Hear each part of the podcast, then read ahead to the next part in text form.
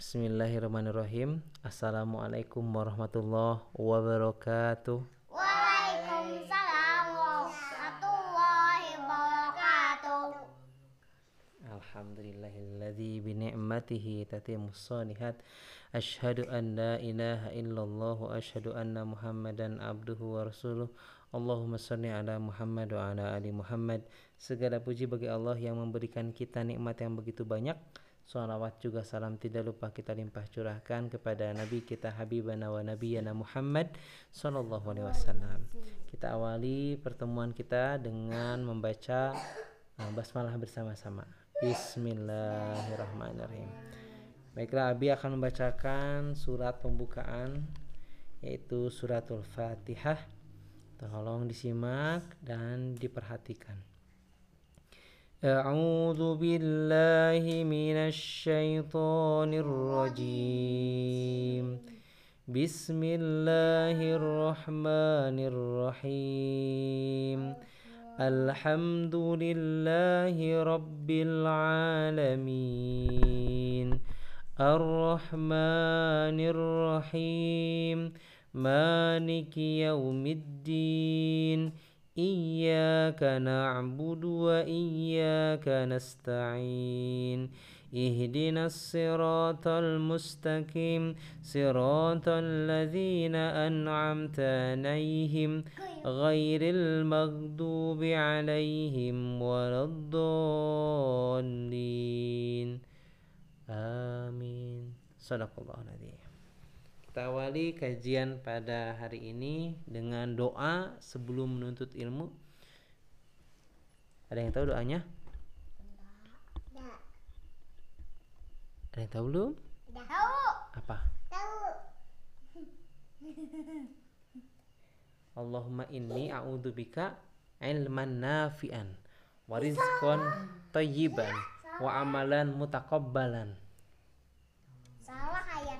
Ah, betul itu dia. Allahumma inni as'aluka ilman nafi'an wa rizqan thayyiban wa amalan mutakabbalan. Oke, gitu ya. Gitu. Masya Allah. Allahumma inni as'aluka ilman nafi'an. Masya Allah.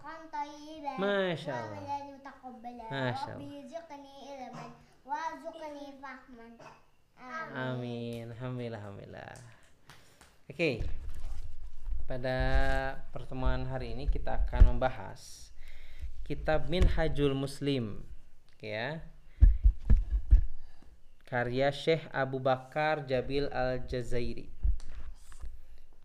Temanya mengenai adab. Oke.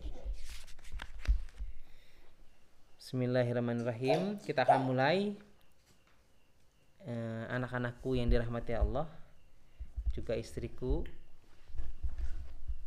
Jadi mengenai adab ini yang pertama, kita sebagai seorang hamba harus selalu bersyukur kepada Allah. Gitu. Jadi yang pertama kita selalu bersyukur kepada Allah. Diberi sesuatu maka ucapkan alhamdulillah. Jadi semua yang Allah berikan itu pasti yang terbaik untuk kita. Allah berfirman, "Wa ma bikum min ni'matin faminallah." Nikmat apa saja yang ada pada kalian, maka itu semua berasal dari Allah. Quran surat An-Nahl ayat 53. Hmm. Pada ayat yang lainnya Allah berfirman, "Wa in ta'uddu ni'matallahi la tuhsuha." Jika kalian menghitung nikmat Allah, maka kalian tidak akan bisa menghitungnya. Quran surat An-Nahl ayat 18. Jadi yang pertama, sebagai adab kita kepada Allah yaitu selalu bersyukur kepada Allah. Yang kedua, merasa diawasi oleh Allah taala. Jadi setiap muslim harus meyakini bahwa Allah selalu mengetahui dan memperhatikan apa yang dilakukan oleh hamba-hambanya. Seorang muslim harus selalu merasa diawasi oleh Allah Ta'ala. Sehingga hatinya senantiasa takut kepada Allah. Jiwanya senantiasa mengagungkan Allah. Dengan demikian dia akan merasa malu jika sampai durhaka kepada Allah Ta'ala. Malu jika dia sampai menentang dan tidak mematuhi Allah. Ini semua merupakan bentuk adab terhadap Allah Ta'ala. Allah berfirman, Wallahu ya'lamu ma tusirruna wa ma tu'linun. Allah mengetahui apa yang kalian rahasiakan dan apa yang kalian lahirkan. Quran surat An-Nahl ayat 19. Yang ketiga, Iya, ikan. Ini, berlindung dan berserah diri kepada Allah. ini. Ular, ya ular. Oh, Anak-anakku yang soleh iya, dan iya, istriku yang solihah ikan. Seorang muslim harus menyadari bahwa tidak ada tempat berlindung dan bersandar kecuali kepada Allah. Sehingga seorang muslim akan menyerahkan dirinya kepada Allah Ta'ala. Tunduk di hadapannya dan juga menyerahkan segala persoalan dan pasrah kepadanya. Ini semua merupakan adab seorang hamba kepada sang penciptanya. Allah Ta'ala berfirman, Ma min dabbatin illa huwa akhidum binasiyatiha. Tidak ada suatu binatang melata pun melainkan dialah yang memegang ubun-ubunnya. Quran surat Hud ayat 56. Jadi seluruh binatang-binatang yang ada itu Allah yang mengendalikannya.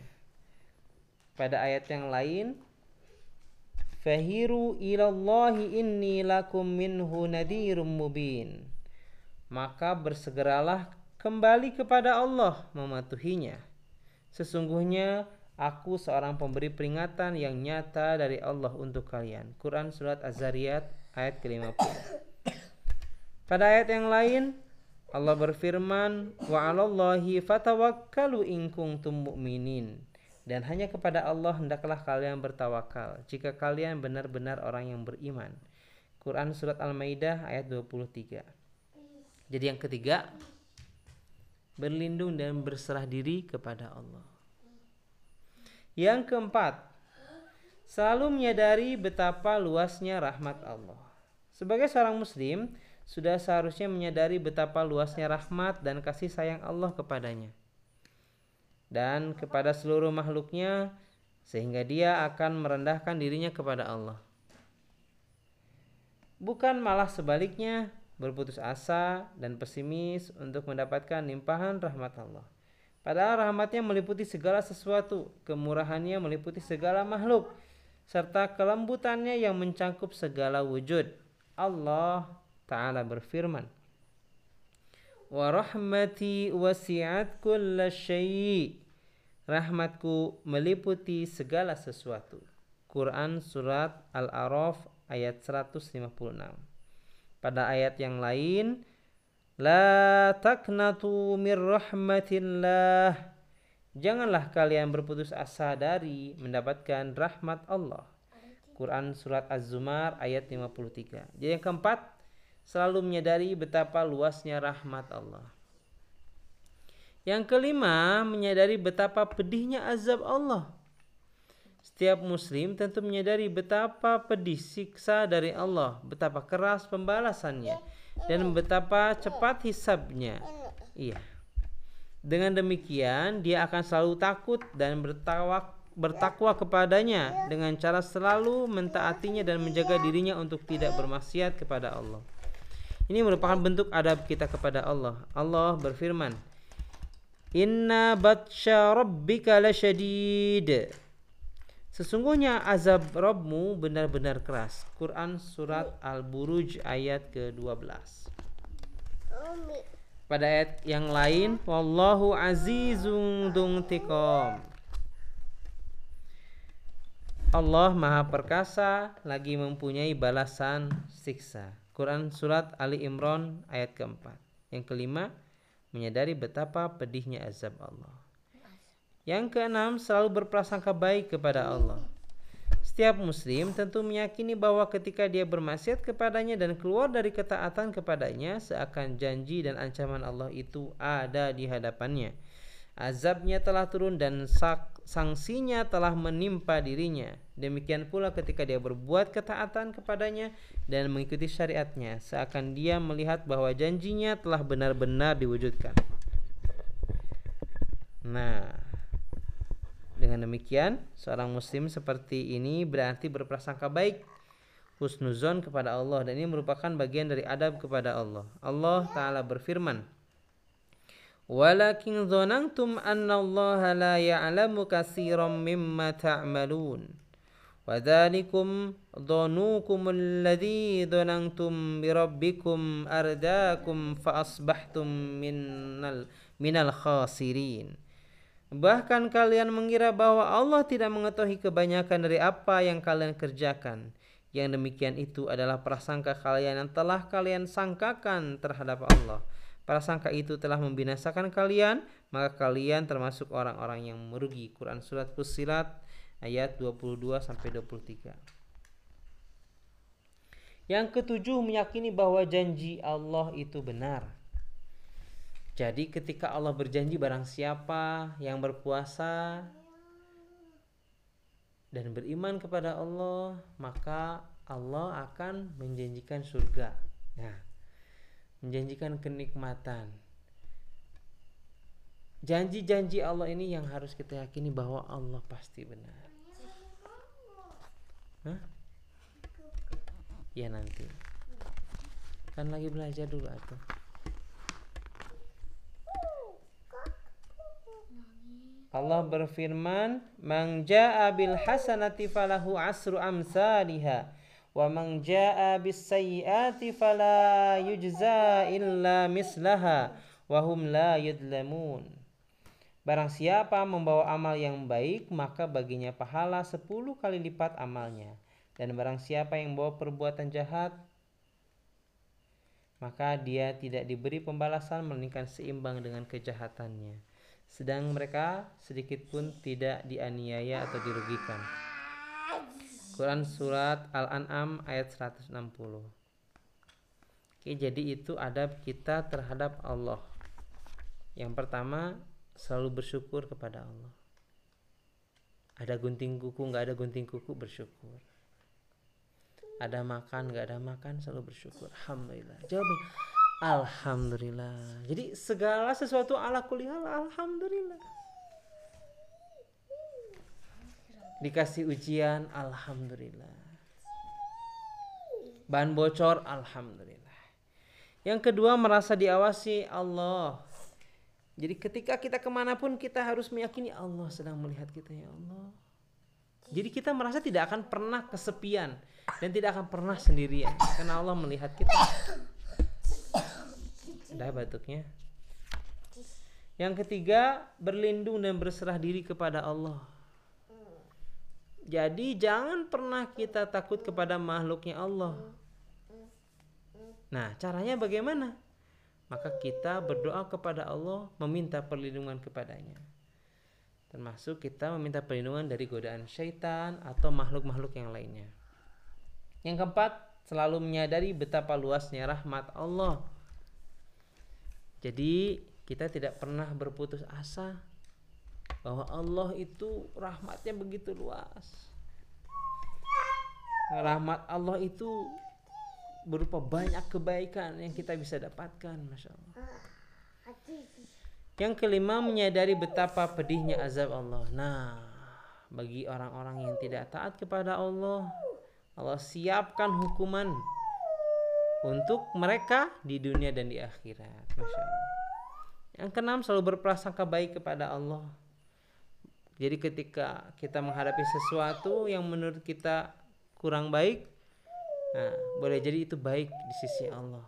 Jadi kita selalu berprasangka baik ketika kita menemukan hal-hal yang tidak baik menurut kita. Dan yang terakhir meyakini bahwa janji Allah itu benar. Jadi kalau Allah sudah berjanji pasti benar. Oke, mungkin itu untuk pertemuan hari ini ada yang tanyakan dulu. Silakan Mi. Rahmat itu apa? Hmm. Apa itu rahmat? Oke. Jadi rahmat itu segala sesuatu kebaikan apa pun yang kita bisa dapatkan. Jadi rahmat itu segala kebaikan apa pun yang kita bisa dapatkan. Misalkan ketika kita diberikan masalah ujian nih di sekolah. Ketika ujian di sekolah kita nggak bisa mengisinya. Tapi tiba-tiba kita langsung teringat jawabannya. Jadi ketika kita tidak ingat, terus tiba-tiba Allah berikan ingat. Maka itu adalah rahmatnya dari Allah, itu pertolongan Allah untuk kita. Yaitu ular, ular. Mm-mm, sama. Jadi rahmat itu adalah kebaikan yang Allah berikan untuk segala makhluk-makhluknya, masya Allah. tapi. Mm-mm, sok, berarti ada yang tekan dulu sampai sini? Nggak ada. Harun? Nggak ada. Ibrahim? Nggak ada ya. Umi ada lagi? Apa tuh? Kang Aun. Oke. Untuk pertemuan hari ini cukup sekian. Jadi adab kepada Allah yang pertama selalu bersyukur kepada Allah. Yang kedua merasa diawasi oleh Allah. Yang ketiga berlindung dan berserah diri kepada Allah. Yang keempat selalu menyadari betapa luasnya rahmat Allah. Yang kelima menyadari betapa pedihnya azab Allah. Yang keenam selalu berprasangka baik kepada Allah dan yang terakhir meyakini bahwa janji Allah itu benar. Masya Allah. Mungkin itu yang bisa Abi sampaikan pada pertemuan hari ini. Mohon maaf bila ada kesalahan, kebaikan datang dari Allah, kesalahan dari Abi sendiri. Aku luka hada astagfirullahu li wa lakum. Assalamualaikum warahmatullahi wabarakatuh. Waalaikumsalam warahmatullahi wabarakatuh. Coba Fatih ulangi.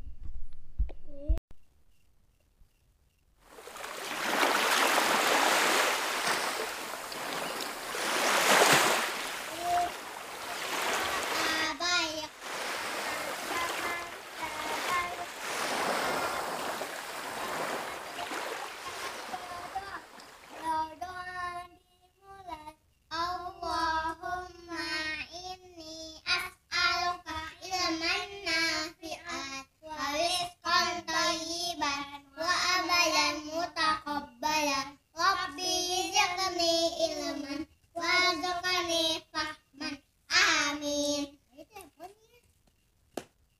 sudah sudah Allahumma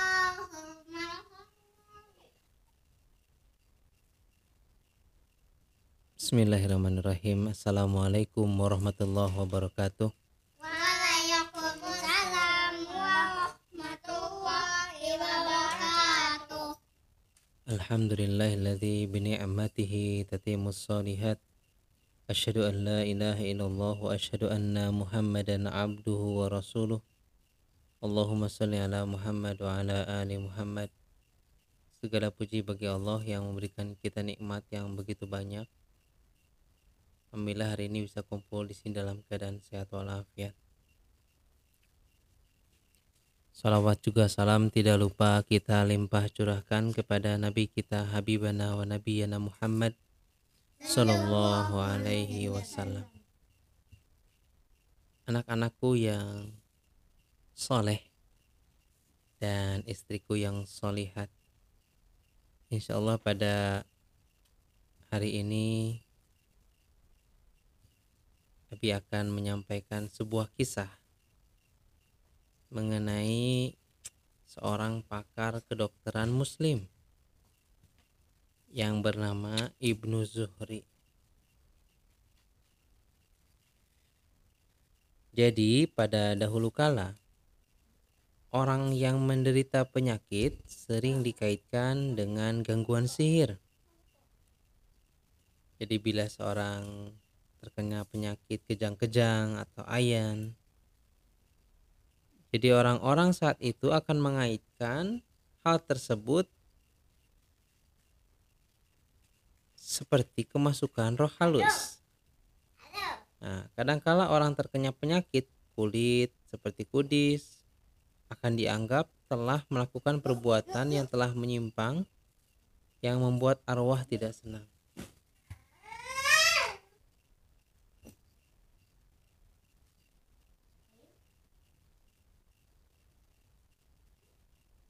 Sebagai agama tauhid, Allah melarang umat Islam untuk mempercayai kekuatan sihir dan kebatilan. Keimanan seorang muslim mengajarkan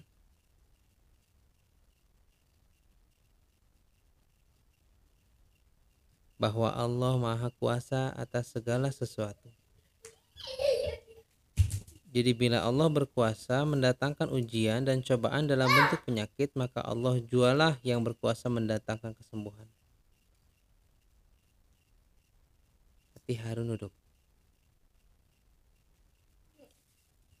Di samping itu, para ahli kedokteran muslim juga menjelaskan mengapa satu penyakit dapat terjadi berdasarkan ilmu pengetahuan.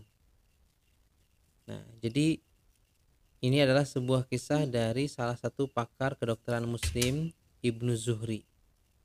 Nah, dengan bekal ilmu yang dipelajari seorang dokter akan dapat menjelaskan bagaimana satu penyakit bisa sampai ke tubuh manusia.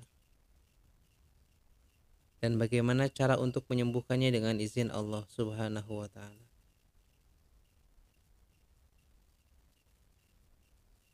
Dalam dunia kedokteran, kebudayaan Islam memiliki pengaruh yang luar biasa pada peradaban dunia. Kita telah membahas Al-Khwarizmi. Selain itu, kita juga punya ahli bernama Ibnu Rushdi. Ada lagi pakar kedokteran dunia Islam yang terkenal, ia bernama Ibnu Zuhri. Orang barat mengenalnya dengan nama Avenzuar. Sebagian orang juga mengenalnya dengan Abu Meron. Ibnu Zuhri lahir di kota Sevilla, Andalusia pada tahun 1091 Masehi. Ia memiliki nama lengkap Abu Marwan Abdul Malik bin Zuhri. Secara turun-temurun, keluarga Ibnu Zuhri telah dikenal sebagai keluarga yang memiliki kepakaran di bidang kedokteran. Nah, jadi ada keluarga dan keluarganya itu kompaknya di keilmuan kedokteran, masya Allah. Nah, ketika Ibnu Zuhri masih kecil, ia mulai belajar agama Islam dan bahasa. Belajar Islam ketika kecil membuatnya memiliki akidah yang kuat. Nah, ketika ia mulai beranjak besar, Ibnu Zuhri mulai belajar tentang ilmu penyembuhan dari orang tuanya. Ia belajar berbagai macam khazanah kedokteran, mulai dari penyembuhan cara Islam, Romawi maupun Yunani. Nah, banyaknya khazanah ilmu kedokteran yang ia baca membuat wawasan kedokterannya sangat luas. Tidak seperti kebanyakan ilmuwan muslim yang menguasai berbagai macam bidang ilmu. Ibnu Zuhri sangat fokus pada keahliannya di bidang kedokteran. Kitab yang ia tulis kebanyakan membahas mengenai dunia kedokteran.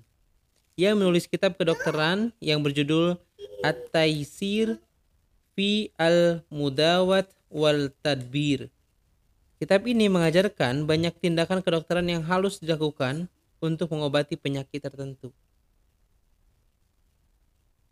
Salah satu yang dibahas Ibnu Zuhri dalam kitab ini adalah penyakit jantung.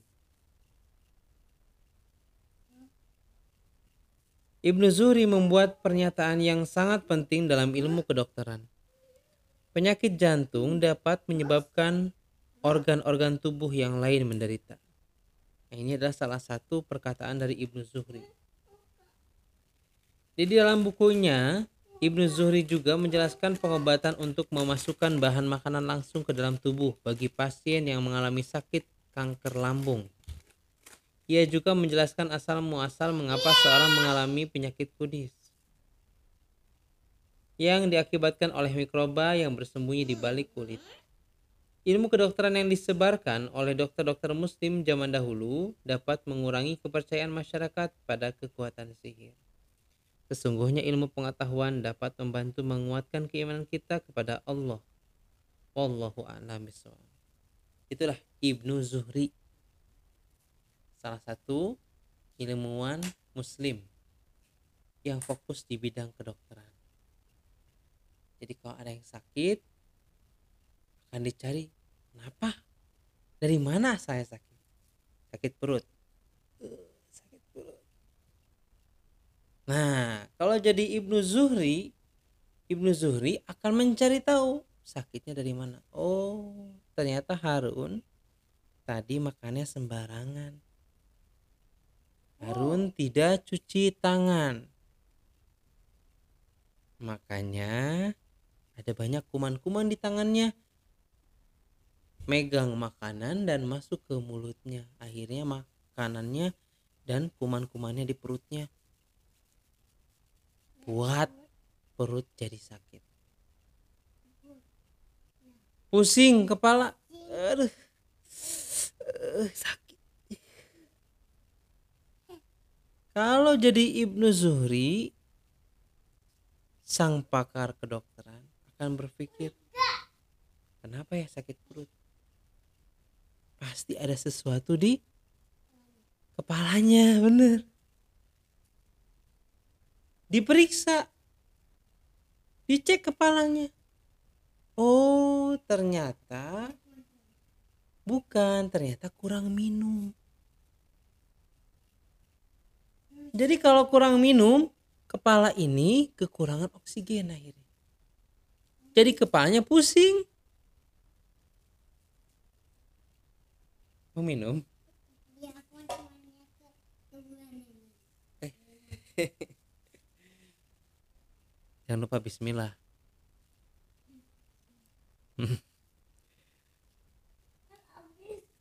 Jatuh.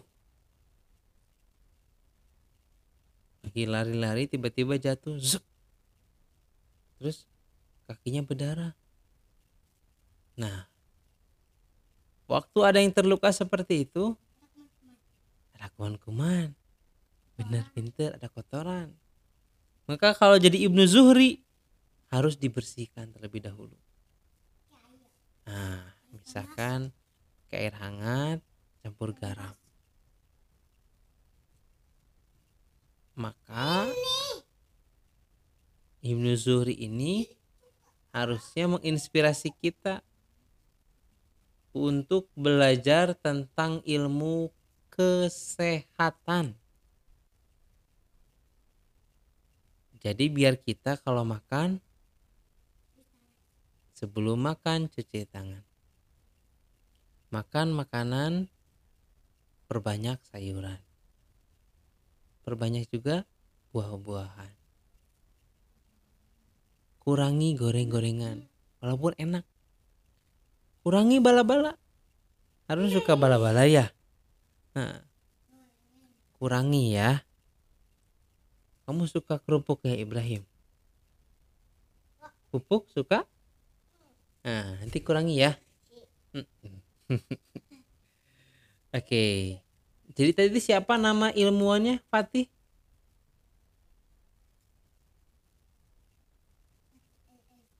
Harun siapa nama ilmuannya Harun?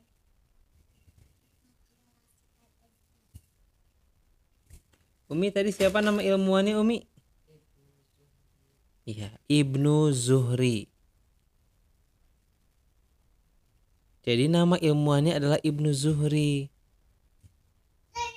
Apa yang Ibnu Zuhri pelajari Harun? Iya, tentang kedokteran. Jadi Ibnu Zuhri adalah pakar kedokteran muslim saat itu. Oke. Coba ada hikmah lain yang mau diambil, mau disampaikan silahkan Umi.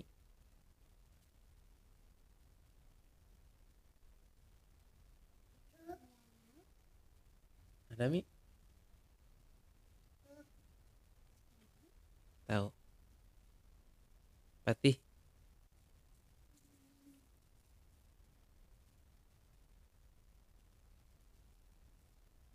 Bingung juga. Oh, harus berpikir. Harun. Nah. Jadi hikmahnya kita harus bisa juga menjaga kesehatan tubuh kita dan menjadi dokter untuk diri dan keluarga kita minimal. Jadi kalau ada yang sakit kita bantu obati semampu kita. Tapi sebelum itu kita menjaga agar kita tetap sehat.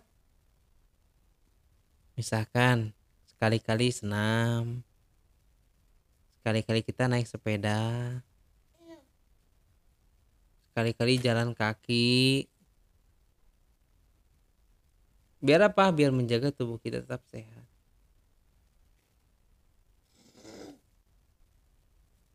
Alhamdulillah. Mungkin itu yang bisa saya sampaikan hari ini. Terima kasih.